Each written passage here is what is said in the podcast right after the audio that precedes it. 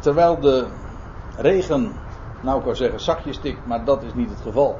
Uh, gaan wij in elk geval de Bijbel openen bij Colossense 1. Dit is de zesde avond en ik hoop vanavond dit eerste hoofdstuk in elk geval af te sluiten. En ik stel voor dat we, voordat we naar vers 24 toe gaan, want dat was het vers waar we gebleven waren, dat we eerst nog eventjes de voorgaande versen zullen lezen. Dat wil zeggen, beginnend bij vers 15. En daar hebben wij ons al dus mee bezig gehouden. Daar schrijft Paulus over de zoon van Gods liefde. Hij is het beeld van de onzichtbare God. Ik lees voor uit de MBG-vertaling. De eerstgeborene van elk schepsel, van de ganse schepping. Want in hem zijn alle dingen geschapen die in de hemel en die op de aarde zijn, de zichtbare en de onzichtbare. Het zijn tronen, het zijn heerschappijen, het zijn overheden, het zijn machten. Alle dingen zijn door hem en tot hem geschapen. En hij is voor alles en alle dingen hebben hun bestaan in hem. En hij is het hoofd van het lichaam, de gemeente, de Ecclesia. Hij is het begin, de eerstgeborene uit de doden, opdat hij onder alles de eerste zou zijn. Want het heeft de ganse volheid behaagd in hem woning te maken. En door hem, vrede gemaakt hebbende, letterlijk vrede makend door het bloed van zijn kruis, alle dingen weder met zich te verzoenen. Door hem, het zij wat op de aarde, het zij wat in de hemel is. Ook u die eertijds vervreemd en vijandig gezind waart, blijkens uw boze werken, heeft hij thans weder verzond in het lichaam van zijn vlees door de dood, om u heilig en onbesmet en onberispelijk voor zich te stellen. Indien gij slechts wel gegrond en standvastig blijft in dat geloof, in het geloof, en u niet laat afbrengen van de hoop van het evangelie dat gij gehoord hebt en dat verkondigd is in de ganse schepping onder de hemel en waarvan ik, Paulus, een dienaar geworden ben. En dat was inderdaad het laatste vers wat we hebben gelezen met elkaar. Of we hebben geloof ik al een eerste aanzet ook gegeven tot het 24ste vers. Maar met name hebben we dan ook inderdaad stilgestaan bij dit vers wat ik nou zojuist voorlas. Over die over de hoop van het evangelie. Een van de grote thema's van deze brief waarin Paulus uitdrukt wat het evangelie, het goede bericht is. Het behelst een prediking, een boodschap van verwachting. Met allemaal hoofdletters. Waarom? Omdat het A. On, uh, onvoorwaardelijk is. En B. Omdat het universeel is. Waarbij er natuurlijk bijgezegd moet worden dat het, ook dat laat dezezelfde brief zien, dat het in gradaties gefaseerd gebeurt. Zoals ik dat graag altijd vergelijk met een steen die in de vijver gegooid wordt. Het begint met die ene steen en dan vervolgens steeds wijdere kringen rondom die steen worden zichtbaar. En zo is het ook met de hoop van het evangelie. Eerst verzamelt hij zich een ecclesia, wij, eerstelingen, het, zijn lichaam. Vervolgens komt daar het volk Israël, dat straks geroepen zal worden, de volkerenwereld en uiteindelijk, nou ja, je, ik kan nog meer cirkels tekenen, maar uiteindelijk is daar die laatste cirkel. Dat moet wel de laatste cirkel zijn, want dan is de ganse schepping daar namelijk bij betrokken. Ook dat laat Paulus dus in deze brief zien. Dat noemt hij de hoop van het evangelie. Hij verwijst daarbij dus uitdrukkelijk naar dat wat hij in vers 20 al had opgetekend, namelijk over het bloed van het kruis, waardoor God het al, alle dingen, tapanta, met zich zal verzoenen. Het maakt niet uit of het in de hemel of op de aarde is. En ik zou er nog bij kunnen zeggen wat Filippenzen 2 ook nog zegt, of onder de aarde eventueel. Maar dan heb je echt alles gehad. Alles zal inderdaad in die hoop, in die sfeer van hoop betrokken worden. Goed. Nou, dan wordt het tijd om naar vers 24 te gaan. Waarbij Paulus toch echt, ook in mijn Bijbeltje is het een, een nieuwe pericoop die dan aanvangt. terecht, omdat Paulus nu toch ook andere thema's aan de orde gaat stellen. Hij schrijft dan: Thans verblijd ik mij over hetgeen ik om uwentwil leid. Ik geloof dat ik er al de vorige keer wat over gezegd heb, maar bij deze wil ik dan toch op, op nog een ander vers wijzen. Waar we straks trouwens automatisch nog op terechtkomen, omdat dat namelijk een paar versen later is in ditzelfde hoofdstuk. Um, wie zijn die, die u, die u hier, dat is meervoud. Dat komt in het Nederlands niet echt uit de verf. Als ik zeg u, dat kan jij één persoon zijn, maar dat kan ook meervoud zijn. In het Grieks zie je dat feilloos. Het is inderdaad jullie dus. Um, om, om jullie leidt. En die jullie, dat zijn de heidenen. Of beter gezegd, de natieën. Ik, uh, ik heb op zich niet zoveel moeite met het woordje heiden. Het is eigenlijk echt een Nederlands woord. Hè? Een, van origine, als je het etymologisch bekijkt, is een heiden een inwoner of een bewoner van de heide. Maar ja, daar denken we in ieder geval al niet aan. Maar de, het Griekse woord, dat is trouwens wel grappig om daar even op te wijzen. Het Griekse woord dat Paulus gebruikt is etnos. En dat kennen wij wel. Het is een beetje een duur woord, eh, maar etnisch. Het betekent gewoon de natie. En als Paulus daarover uh, over spreekt, trouwens in het algemeen, het betekent de natieën zonder onderscheid. Tenzij het uit het verband blijkt dat het heel specifiek bedoeld is. Maar normaal gesproken is het de natieën zonder onderscheid. Dat is Paulus' bediening. Paulus richtte zich niet tot een deel onder de natieën, tot de, de besnijdenis, zoals zijn collega-apostelen dat deden, de twaalf. Nee, Paulus richt zich tot de natieën. En, en de boodschap die hij predikt, maar daar kom ik straks nog uitgebreid op terug over die, dat geheimenis, de verborgenheid. Hij richt zich tot de natieën en hij leed daar ook om. Hij leed om het evangelie. Hij was een, een gezant, zegt hij, een ambassadeur in ketenen. Hij was, toen hij deze brief schreef, was hij ook gevangen. En hij leed. Uh, alle, ook daar zullen we trouwens straks nog over hebben. Alles wat hij over zich heen kreeg en wat hij aan smaad, aan strijd, waar hij mee te maken heeft gehad. Hij leed, maar Paulus kon het, ik zeg het misschien niet helemaal goed, maar het kon hem niet deren. In ieder geval, hij zegt, ik verblijd me. Dat is nou al, als ik, als ik nou een voorbeeld mag geven van iets, uh, van een verschil tussen het kennen van de hoop van het evangelie en het niet kennen van die hoop, dan is het wel dat je op een heel andere wijze tegen dingen aankijkt, maar ook dingen heel anders beleeft. Uh, is het lijden minder? Nee, maar je lijdt gewoon zelfs met vreugde op de achtergrond. Dat wil zeggen, daar is altijd hoop. Je weet, ik, uh, het is een metafoor die ik zelf graag uh, gebruik. De, de minnen in ons leven. En dat is wanneer je een God kent met hoofdletters. Dat wil zeggen, iemand die alles een plek geeft. Dat er nooit iets gebeurt voor niks. Dat betekent, als je dat werkelijk gaat beseffen. Dan moet je, dat is ook een proces. Maar als je weet dat er één is die alles een plaats geeft. Dat er nooit zomaar iets gebeurt voor niks. Dan leid je anders. Want dan mag dat lijden, mag dan tegenwerking, tegenwerking zijn. Dan kunnen daar frustraties zijn. Maar je weet, het gebeurt niet voor niks. Die min is in werkelijkheid een plus. Alleen we zien dat nog niet. Of ja, de min moet nog een plus worden. Maar het is een, laat ik het dan zo zeggen. Het is een plus die nog niet af is. En zo beleef Paulus dat ook. Hij was gevangen. Hij, hij, leed. Hij had veel strijd. Uh, daarmee werd hij geconfronteerd. Maar hij verblijde zich. Die andere, er is die andere brief. Die zelfs daar zelfs onbekend is, mag ik wel zeggen. De Filippense brief. Schreef hij ook vanuit de gevangenis. En dat wordt wel benoemd de brief van blijdschap. Waarom? Omdat er geen woord is wat hij zoveel gebruikt in die brief als blijdschap of woorden die dezelfde strekking hebben. Vreugde en meer van dat soort termen. Denk aan de woorden. Uh, verblijd u ten alle tijden. Nog eens zeg ik u, verblijd u. Dat is die Filippense brief. Dat is, de hele brief is ervan vergeven. Vanaf het eerste hoofdstuk. Vreugde, vreugde, vreugde.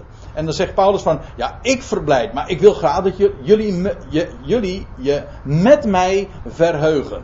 Nou, dat is typisch iemand die een blijde boodschap, met recht, een blijde boodschap kent. En het effect van een blijde boodschap is altijd, dat kan niet missen, dat je daar blij van wordt.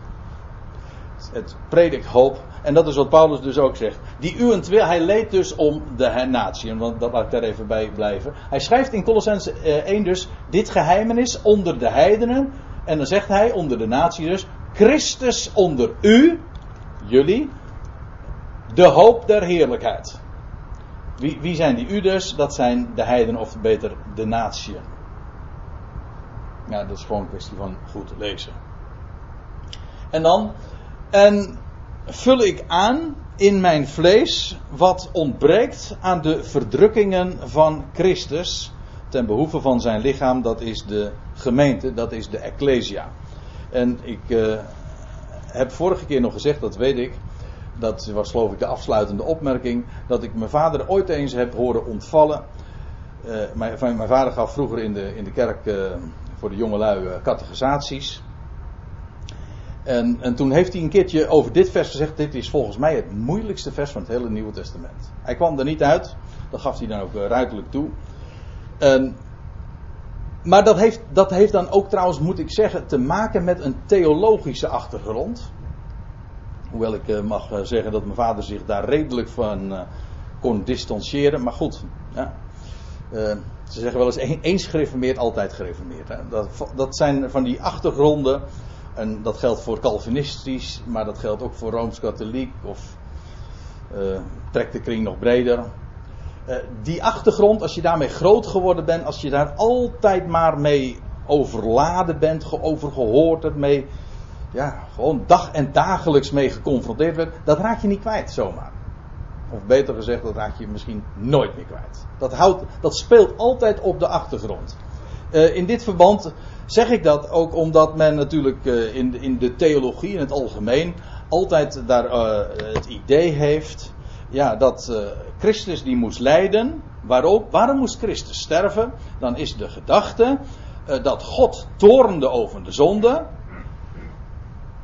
En om die toorn niet ons te laten raken, heeft hij die toorn als een bliksemafleider uh, neergelegd op of de,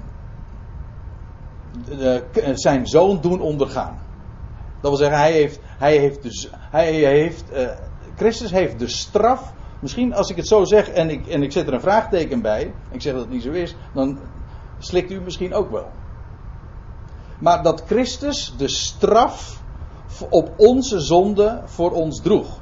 Het gekke is, dat staat nergens in de Bijbel. Nee.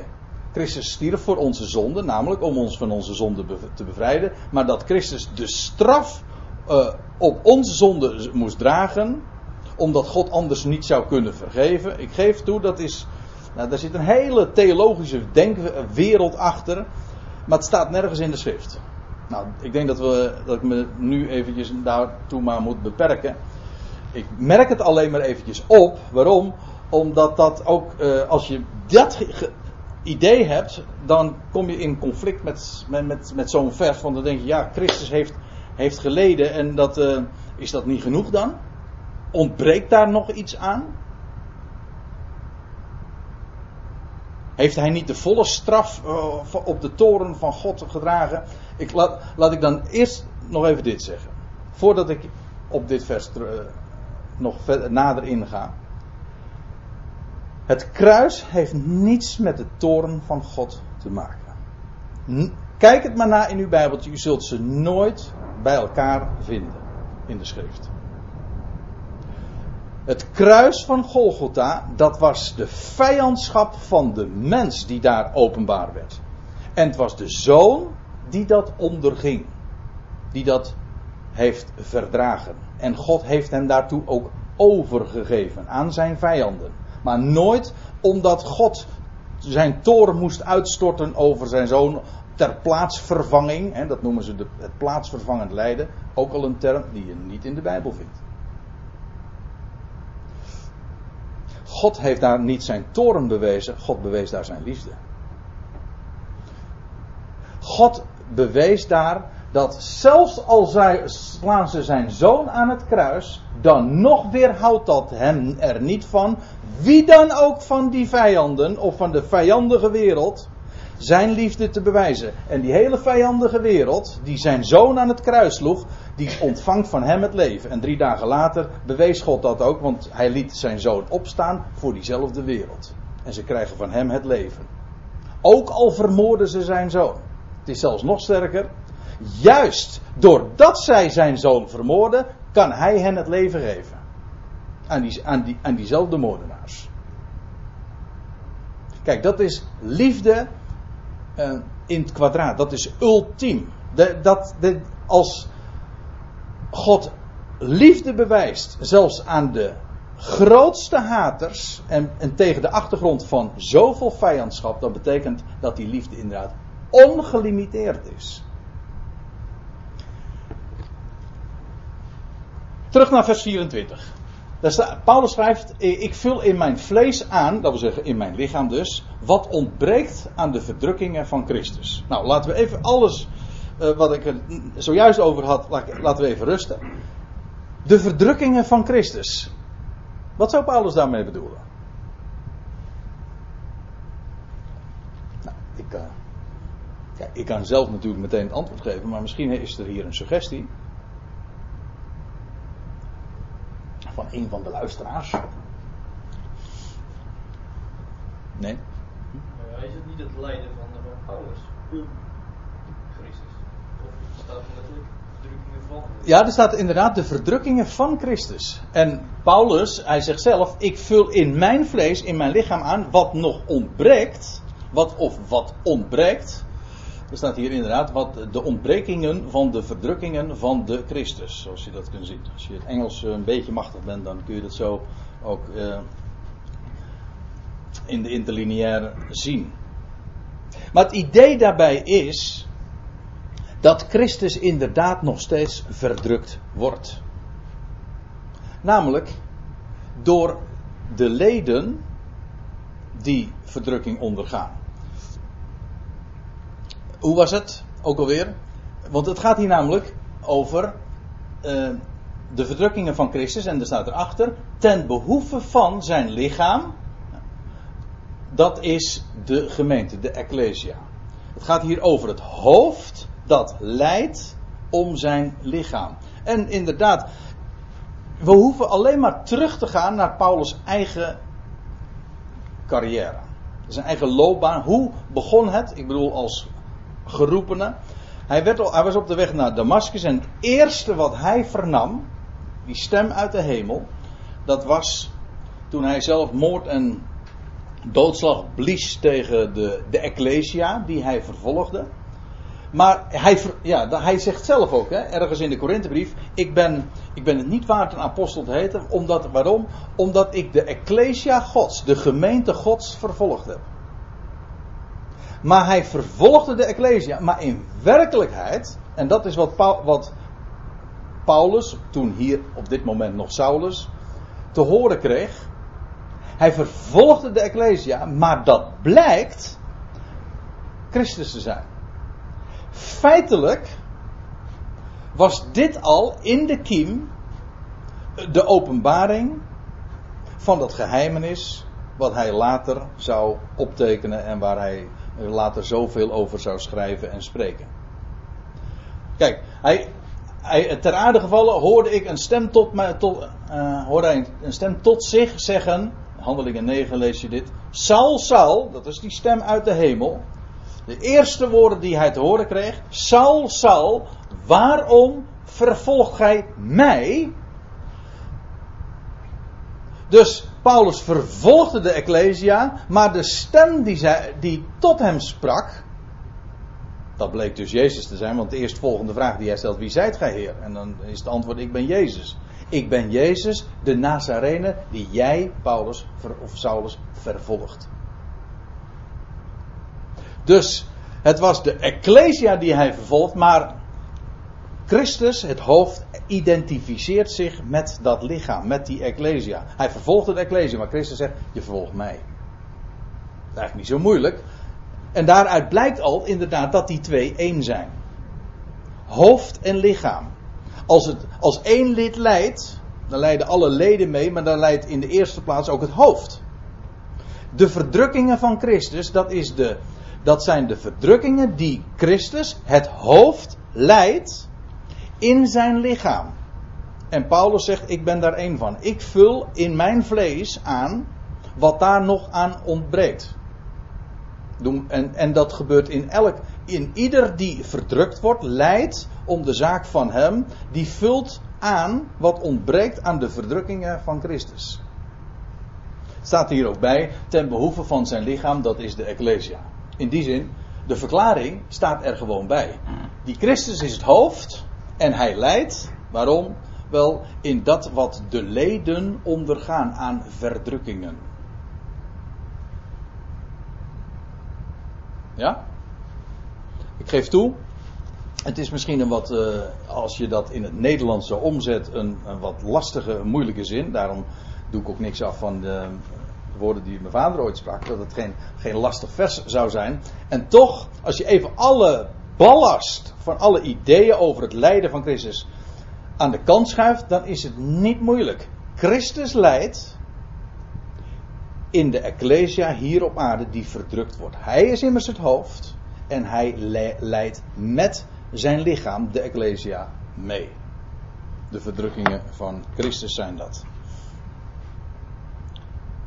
Wat met name hier natuurlijk ook zo bijzonder is, is dat Paulus deze waarheid dus al meteen bij aanvang, in de allereerste zin die hij vanuit de hemel te horen krijgt, al geopenbaard krijgt.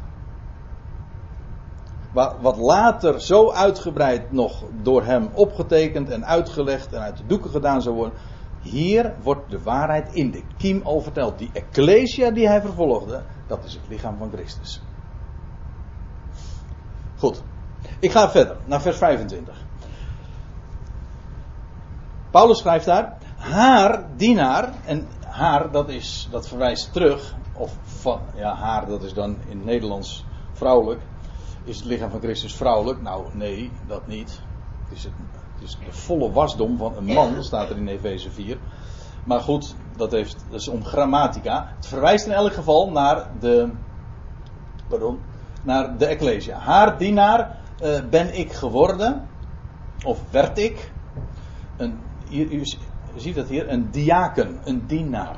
Haar dienaar ben ik geworden, of werd ik, uh, krachtens of naar de bediening die mij door God is toevertrouwd. Nou, dan moeten we even de puntjes op de i zetten, want dat woord bediening klopt niet. Als u een in, nou nee, laat ik eerst eventjes dit zeggen. In het Grieks staat hier namelijk het woordje oikonomia. En ik heb het tussen haakjes erbij vermeld. Je herkent daar natuurlijk met groot gemak ons woordje economie. Maar ons woord economie komt ook uit diezelfde Griekse taal. En een economie betekent letterlijk een. Uh, oikos betekent een huis. En nomie, dat is een beheer of een regel of een hele. Ja, een huishouding. Feitelijk is het een, een, een, eh, een beheer. Ik heb het er ook maar bij gezet. Een, een, in de Concordant Version wordt het weergegeven met een administration. Maar dat is in feite ook een beheer. De administratie voeren. Een, het beheer over iets hebben. Het, een, een huis runnen. Dat is het, uh, dat is het idee waarbij het woord huis gewoon een hele brede betekenis kan hebben. Het huis hier is natuurlijk ook het huis van God. De plaats waar hij woont. En de, aan Paulus is een, niet een bediening, maar is het beheer, de huishouding van. Uh, nu moet ik het even goed lezen de huishouding van, uh, van God uh, mij gegeven. Ja.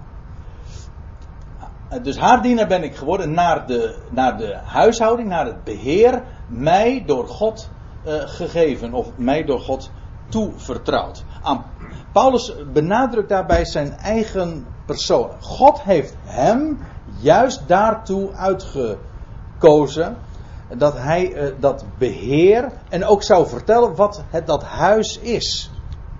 Wat God vandaag doet. Ik, ik kom daar nog ehm, op terug. Waarom? Omdat in de navolgende versen Paulus dit ook gaat uitleggen. Dus ik, ik kan nu met een gerust hart naar het, vol, naar het volgende deel van het vers gaan. Want het komt vanzelf namelijk nog aan de orde, wat het precies is. Genoeg is om even te zeggen, aan Paulus is dus een heel beheer gegeven. Van Gods wegen. En dan staat er hier in vers 25, het laatste deel van het vers. Om onder u, dat wil zeggen onder jullie, de natie, het woord van God tot zijn volle recht te doen komen. Nou, dat is wel een hele vrije weergave hoor, van, de, van wat Paulus werkelijk optekent. En degenen die een statenvertaling hebben, die zijn wat dat betreft wat beter af. Want er staat in de Statenvertaling, en die is veel beter in dit geval, meestal trouwens. Alleen je moet door nog ouder Nederlands heen worstelen. Maar er staat welker, bediener, welker dienaar ik geworden ben naar de, de bedeling. Ah, die is leuk. Het woord bedeling. Ja, want dat vergat ik net te zeggen. Dat woord beheer, administratie, oikonomia dat wordt uh, in de Statenvertaling weergegeven met het woordje bedeling. Daar kent u het woordje bedelingenleer ook van. God, God voert verschillende bedelingen, huishoudingen. De huishouding die, waar, waar we nu onder leven, daar is, daar is Paulus de beheerder van.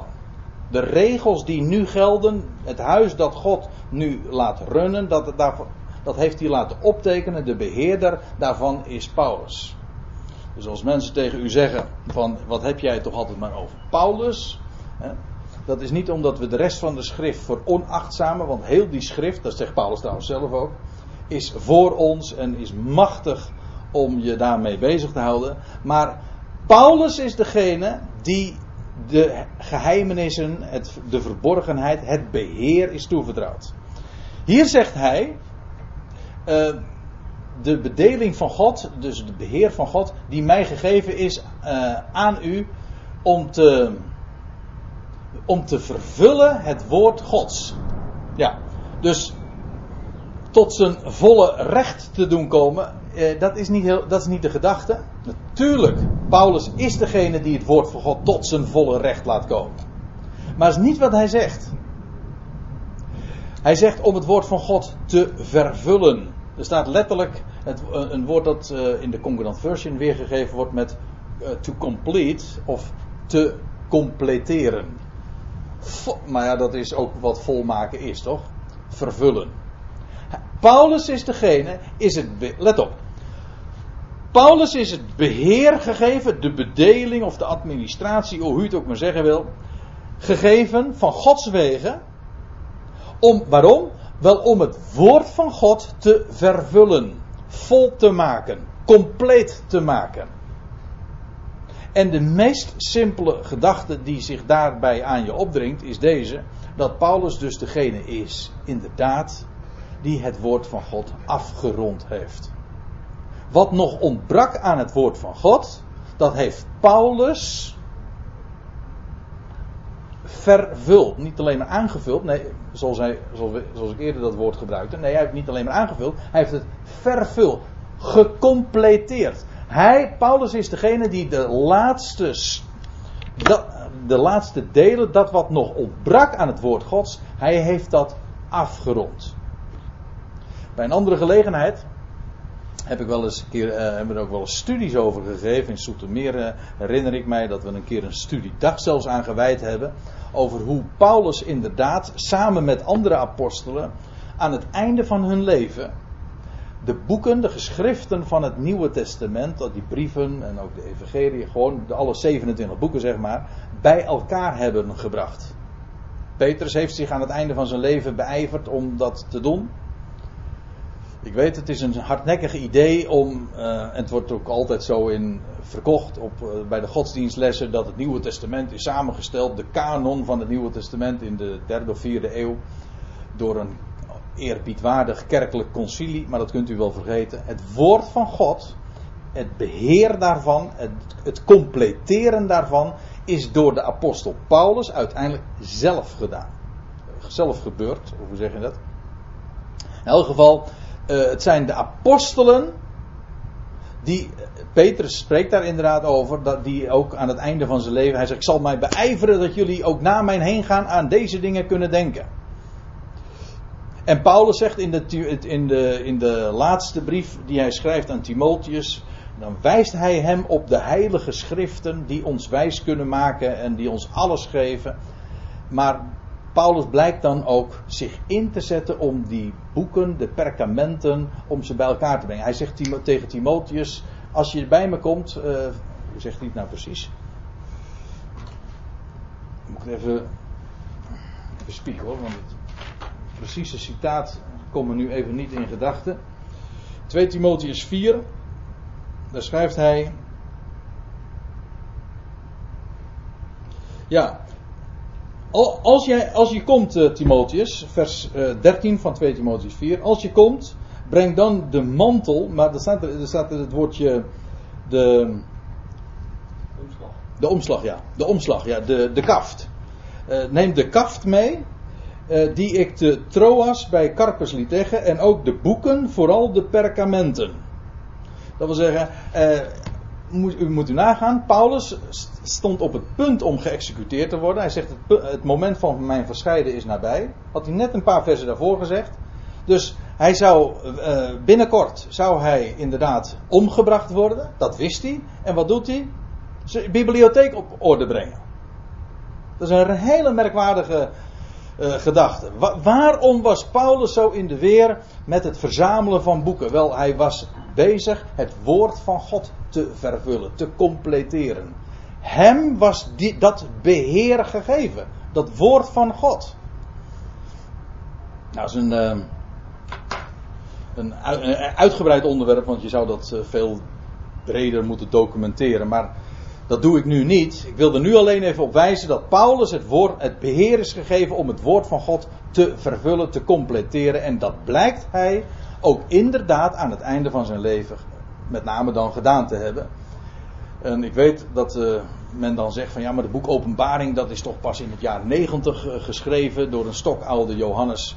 Maar ook dat berust op een misverstand. Dat Johannes, het hele Nieuwe Testament is al geschreven voor de verwoesting van het jaar, voor de, pardon, voor de verwoesting van de stad Jeruzalem in het jaar 70. En Paulus heeft al die boeken in zijn beheer gekregen aan het einde van zijn leven. En hij heeft ze, en hij heeft ze als een testament, leuk woord in dit verband, aan Timotheus gegeven. Zodat Timotheus gewoon, dus dat hele Nieuwe Testament, uh, bij zich had als, een als het testament dat Paulus hem had overgegeven. Dus de zorg voor het woord van God ging Paulus zo aan het hart. Waarom? Wel, het beheer daartoe was aan hem gegeven zodat die schriften niet door een, een, een, een, kerkelijk concilie of door kerkelijke ambtsdragers uh, zijn, uh, zijn samengesteld en gegeven. Nee, het is de apostel zelf die van Gods wegen geroepen was, die die boeken en dat geheel uh, heeft samengesteld en doorgegeven. Ja, nou ja, eigenlijk, je zou het dus niet anders kunnen verwachten. Hij is namelijk degene die het woord van God zou vervullen, vol zou maken. Daarmee blijkt trouwens ook nog eventjes, en dat mag ik erbij dan ook nog wel eventjes gezegd hebben. Let op, alle aanspraken van mensen die nu nog zeggen van ik heb een woord Gods. En buiten de schrift om iets te, te menen te moeten zeggen. Of zelfs gezag claimen. Die kunt u gerust en gevoeglijk naar de prullenbak verwijzen. Het is leuterkoek. Of mensen die zeggen van ik, ik ben een apostel. Dat is helemaal onmogelijk natuurlijk. A, een apostel is iemand die de Heer zelf gezien heeft. En wat zegt Paulus? Dat schrijft hij al aan de Corinthiërs. Het laatst, Hij is verschenen aan alle apostelen en uiteindelijk, het laatst is hij ook aan mij. Vanuit de hemel, we hadden het er net over. Het laatst is hij ook aan mij verschenen, als aan een ontijdig geborene. Dus de laatste apostel is inderdaad, kan niet missen, de apostel Paulus zelf. En hij is degene die het woord van God gecompleteerd heeft, afgerond heeft, volgemaakt heeft, of welk woord je daar ook voor wil gebruiken. Zodat de schriften inderdaad voleindigd zijn. Compleet. Af. Eén geheel ook. En niet 66 boeken tellen. Ja, ik, wil, ik kan het niet nalaten om dat dan toch even te zeggen. Want dat, ik had het net even over godsdienstlessen. Nou, als je je wil ergeren. Je, ja, ik kan, ik kan het zeggen. Want uh, inmiddels, uh, nou, mijn oudste dochter heeft het voortgezet onderwijs verlaten. Nu gaat ze naar de universiteit. En dan zal ze waarschijnlijk nog wel meer on onzin te horen gaan krijgen over dit soort dingen. Want wat er allemaal over de Bijbel gezegd wordt en zo. Hè?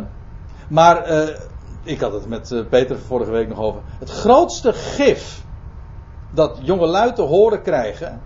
Dat zit er niet in de discotheek hoor of zo waar ze naartoe gaan of in het vermaak dat aangeboden wordt, of dubieuze films. Nee, dat zit hem in met name godsdienstonderwijs. Echt waar, ik kan daar een hele serie voorbeelden van geven. Wat ze te horen krijgen. Ja, nou maar hopen dat ze thuis tegengif krijgen. Nou ja, tegen, tegengif is natuurlijk niet het juiste woord. Iets tegen gif bedoel ik, ja. Voldoende weerstand. Pardon, voldoende weerstand. Wat was het vorige week, Petra?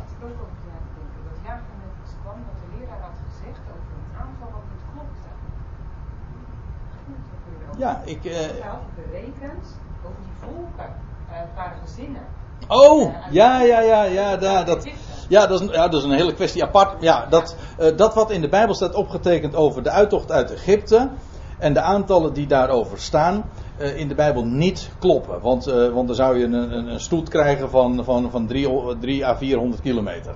Dat is een heel uh, oud verhaal al hoor. Maar, in één nacht? Nee, dat kon niet in één nacht. Dus het, het, het, nou, het, in werkelijkheid gaat daar niet over duizenden, maar over families. Maar ik ga dat nu niet uitleggen. Het gaat me even om het voorbeeld. het, het, precies, daar ging het om dat wat er staat geschreven klopt niet. En in in een, aan zo'n jongen kan je het in een minuut vertellen van dat het anders is. En dan is hij dan is die al dik tevreden natuurlijk. Nee, maar dan, dan weet je, ah, het klopt dus wel. En, ze, en dan worden, ze, worden je gewoon, ja, door een leraar die het geacht wordt te weten, worden je gewoon verhaaltjes op de mouw gespeld. Maar onderwijl wordt er wel vreselijk gif gebracht. Want als dit niet klopt, ja, mensen, dan, kunnen, eh, dan gaan we gewoon naar huis en dan uh, gaan, we met, uh, gaan we ons met andere onzin bezighouden. Zei de duivel toch in het begin in Paradijs, dat klopt niet wat God zegt. Ja, het is altijd zo. Als er één ding ook is wat de duivel altijd doet, want ik weet wel wat er allemaal, ik had het net eventjes over het vermaak en dat zou allemaal duivel zijn, dat kunt u wel vergeten.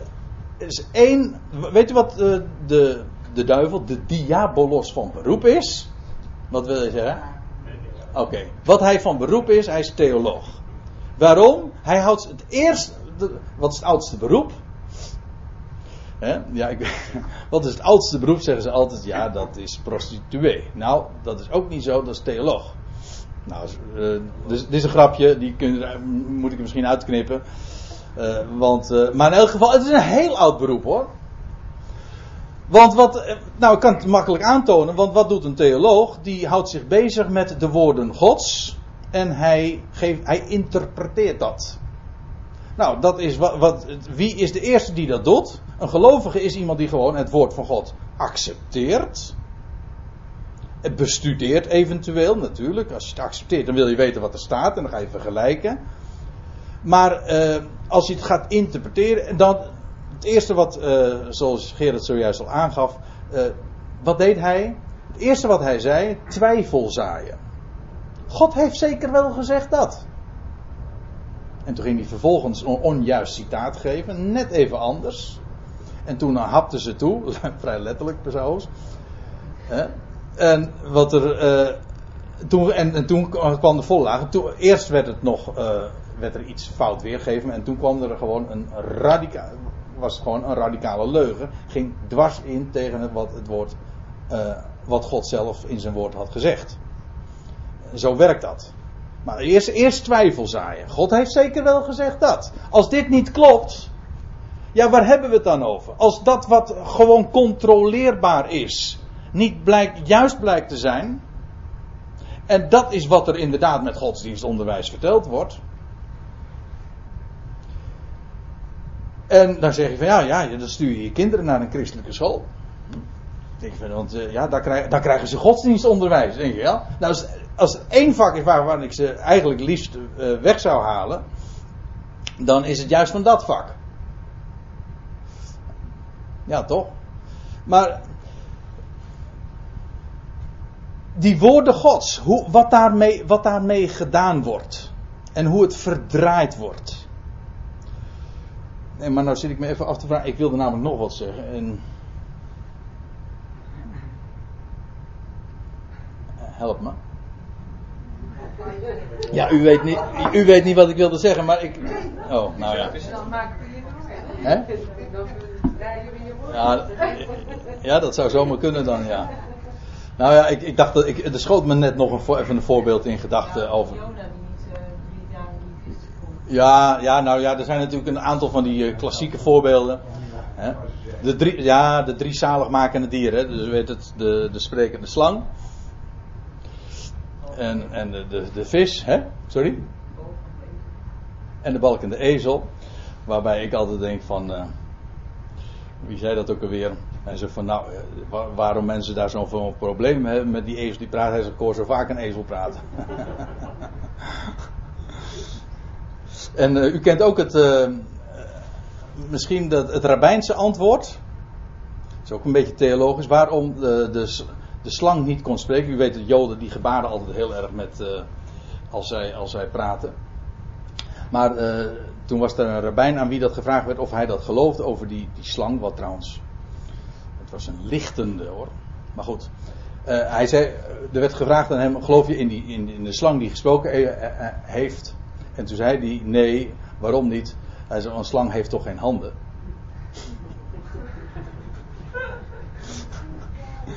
ja, ja dat, eh, dat kan ook een bezwaar zijn. Nou, eh, genoeg. Eh, we hadden het over het woord. Over het woord van God. En dat is compleet. Oh ja, nou, nou, nou ben ik weer precies waar ik, wat ik wilde zeggen. Over die 66 boeken, ja. Ja, ja, ik ga van. Ja, ik zei het woord. Waarom, waarom wilde ik dat nog even opgemerkt hebben? Die schriften zijn een eenheid, een totaliteit. Wat ook inderdaad blijkt in de telling. Je kan het op twee manieren tellen, maar de ene is de telling van 49 boeken. En de andere, dat is 7 maal 7. En als, je en als mensen tegen u zeggen, de Bijbel telt 66 boeken. hm, Zoals wij ze nu in de Bijbel kennen, is ook niet juist. Hoewel het alom gezegd wordt. Kijk maar naar het boek Psalmen. Men rekent Psalmen als één boek. Maar kijk maar in uw Bijbeltje. Psalmen zijn vijf boeken. Eh, staat er gewoon ook bij. Hè? Psalm 42 staat er het tweede boek der Psalmen. En nog een, eh, ergens in de 90 psalmen, eh, bij, in de 90 staat er het derde boek der Psalmen. Vijf boeken. Zodat het boek der Psalmen niet één is, maar vijf. Dus vier boeken meer telt de Bijbel. Zodat je niet op het aantal van 66 komt. Alleen die, die S al, hè.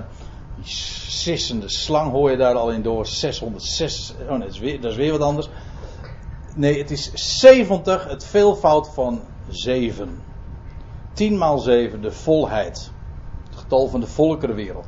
Ah, Et cetera. Alleen dat aantal geschriften dat Paulus volgemaakt heeft, dat markeert al het inderdaad een goddelijk aantal. Een getal dat ook volheid betekent. Zeven in de Bijbel, in het Hebreeuws is het getal zeven hetzelfde woord als voor volheid. Het woord van God is compleet, afgerond. Nou, dat gezegd hebbend gaan we maar snel terug naar vers 25. Paulus zegt, aan, aan hem was het beheer gegeven om het woord van God eh, te completeren. En dan zegt hij in vers 26. eh, het geheimenis dat eeuwen, aionen en geslachtenlang verborgen is geweest, maar thans geopenbaard aan zijn heiligen. Paulus zegt dus, ik, heb, ik, ik completeer het woord van God en wat, dat is niet alleen maar omdat hij aan het einde van zijn leven ook die boeken bij elkaar gebracht heeft en dat hoort er ook bij, maar het is in de eerste plaats, zo beschrijft hij het hier ook, omdat hij een boodschap heeft uitgedragen en uh, bekendgemaakt. Die het woord van God volmaakt. En dat noemt hij het geheimenis. Of als u een statenvertaling hebt, de verborgenheid. Even verder lezend. Er staat er dat eeuwen, aionen staat er letterlijk. Elders wordt het weer gegeven met eeuwigheid, maar dat kunt u wel vergeten. Dus aionen, wereldtijdperken. Dat aionen en geslachten, generaties lang, verborgen is geweest. Maar thans geopenbaard aan zijn heiligen. Dat wil zeggen degenen die apart gezet zijn. Door zijn woord, doordat hij roept. Weet u dat Paulus dit uh, in zijn brieven meer dan eens naar voren brengt? Over dat geheimenis, de verborgenheid, die aan hem is toevertrouwd, of beter gezegd is bekendgemaakt. Een geheim dus, een iets wat voorheen al, al, alle ionen, de ionen en al die generaties die voorbij gegaan zijn, het was verborgen, niet geopenbaard, onbekend, maar aan hem is het geopenbaard. Hij, hij zegt dat hier, maar hij had het ook al aan de Romeinen geschreven. In woorden, nou die niet exact hetzelfde zijn, maar van uh, dezelfde strekking. Uh, Romeinen 16. Uh, nou, moet ik wel goed doen. Ja, Romeinen 16. Aan het einde van die brief lees je dat. Paulus is een hele bediening. Dit is een, een, een, een van zijn eerste brieven, schrijft hij daarover. Ik zeg dat er eventjes bij, omdat sommige mensen menen dat dat pas later aan hem bekend gemaakt werd. Maar hier lees je dat hij al in, aan de Romeinen daarover schrijft. Hij schrijft dan over mijn evangelie. Ik geloof dat ik de vorige keer daar nog even op gewezen heb, dat die uitdrukking. Mijn evangelie. Waarom? Het is het evangelie dat aan hem is bekendgemaakt. En de prediking van Jezus Christus naar de openbaring van het geheimenis, hetzelfde woord, het Grieks staat er het woordje mysterion, waar ons woordje mysterie weer van afgeleid is. Uh, het geheimenis, de verborgenheid, eeuwenlang verzwegen, maar thans geopenbaard. Hier dezelfde gedachte. Eeuwenlang, dat wil zeggen ionen Gedurende de ionen die vooraf gegaan zijn, is het niet overgesproken, of beter gezegd, is het niet geopenbaard. Want dat is de gedachte. Het was, het was er wel, maar het was verborgen. En nu is het geopenbaard. Ja, aan Paulus, maar daar kom ik straks nog even op terug. Eh, in Efeze 3 zegt hij dat ook. Schrijft Paulus dat in de. Ook vanuit de gevangenis over het geheimenis van Christus. En ik geef toe, als Paulus hierover schrijft, dan is dat weer een andere samenhang. Dat is nogal logisch, een andere brief, een andere setting. En waar Paulus ook weer andere dingen aan de orde stelt. Maar toch, de basisgedachte is iedere keer dezelfde. Hem is dat geheimenis bekendgemaakt. Waarvan hij dan zegt in vers 5 dat ten tijden van vroegere geslachten, vroegere eerdere generaties, niet bekend is geworden aan de kinderen der mensen, letterlijk de zonen der mensen, zoals het nu door de geest geopenbaard is aan zijn heiligen en heilige apostelen en profeten. Nou ja, zo gaat hij verder. Ook hier is dezelfde gedachte. Wat nu geopenbaard is, dat was niet bekend. Of het was uh, zoals het nu door de geest geopenbaard is. Het was namelijk verborgen. En zegt hij erbij in Colossense 1 vers, 6, uh, vers 26, maar thans geopenbaard aan zijn heiligen. En wacht even. Ja, deze. Datzelfde Efeze 3 waar ik het eh, zojuist uit citeerde over die Ionen en geslachten lang verborgen. Hier zegt hij in datzelfde hoofdstuk dat mij door eh, dat mij Paulus door openbaring het geheimenis bekendgemaakt is, gelijk ik boven in het kort daarvan schreef. Eigenlijk staat er trouwens niet boven, maar tevoren. Dat wil zeggen in mijn eerdere brieven. Gaat er niet over die, diezelfde epistel aan de, aan de Efeziërs. Nee, gelijk ik tevoren daarover schreef. In het kort. Pas in zijn gevangenisbrieven brengt hij dat uitgebreid aan de, aan de orde. Maar hier lees je dus. Het is geopenbaard aan Paulus. En via Paulus aan ons. Ook aan de andere apostelen moet ik trouwens bij zeggen. Want die moesten worden, om het eventjes eh, in computertermen te zeggen, geüpdate worden. Die wisten, die wisten van deze dingen niet. Die eh, hielden zich bezig met, eh, met Israël die bekeerd, dat bekeerd zou moeten worden. Dat was, die boodschap was immers aan hen toevertrouwd. Zij predikten dat ook. En toen kwam en toen die boodschap niet in goede aarde viel, om zo te zeggen. En Israël al wijzend was, toen werd Paulus pas geroepen. Als laatste. En Paulus eh, wist veel meer. Paulus is zoveel meer bekendgemaakt. Paulus wist ook dat Israël zich niet zou bekeren. In die dagen. Ja, dat moest, dat is, u, u begrijpt, als je daar eventjes over nadenkt en als je het probeert voor te stellen, dat is een hele, een zware boodschap, een hele, nou, een bittere pil. Ja, in zekere zin ook een hele bittere pil voor de twaalf geweest, om te vernemen dat die boodschap die zij brachten inmiddels over de datum was. En dat is een omslag geweest. En Petrus pas aan het einde van zijn leven zegt dan ook van ja, als je wil weten hoe dat zit met dat uitblijven van de terugkeer van de Heer, dan moet je bij Paulus wezen. Onze geliefde broeder. En eh, ja, zijn, zijn geschriften zijn erg moeilijk en zwaar om te verstaan. Voor hem, hè. Ja. Maar hij ha- Petrus heeft zijn les geleerd. Zeker. Maar thans is het dus geopenbaard aan zijn heilige en het is aan, door, eh, ja, het is aan Paulus geopenbaard dat dat geheimenis de verborgenheid. En wat die verborgenheid is, daar willen we, wil ik straks eh, wat meer over vertellen. Maar ik stel voor dat we eerst even gaan pauzeren.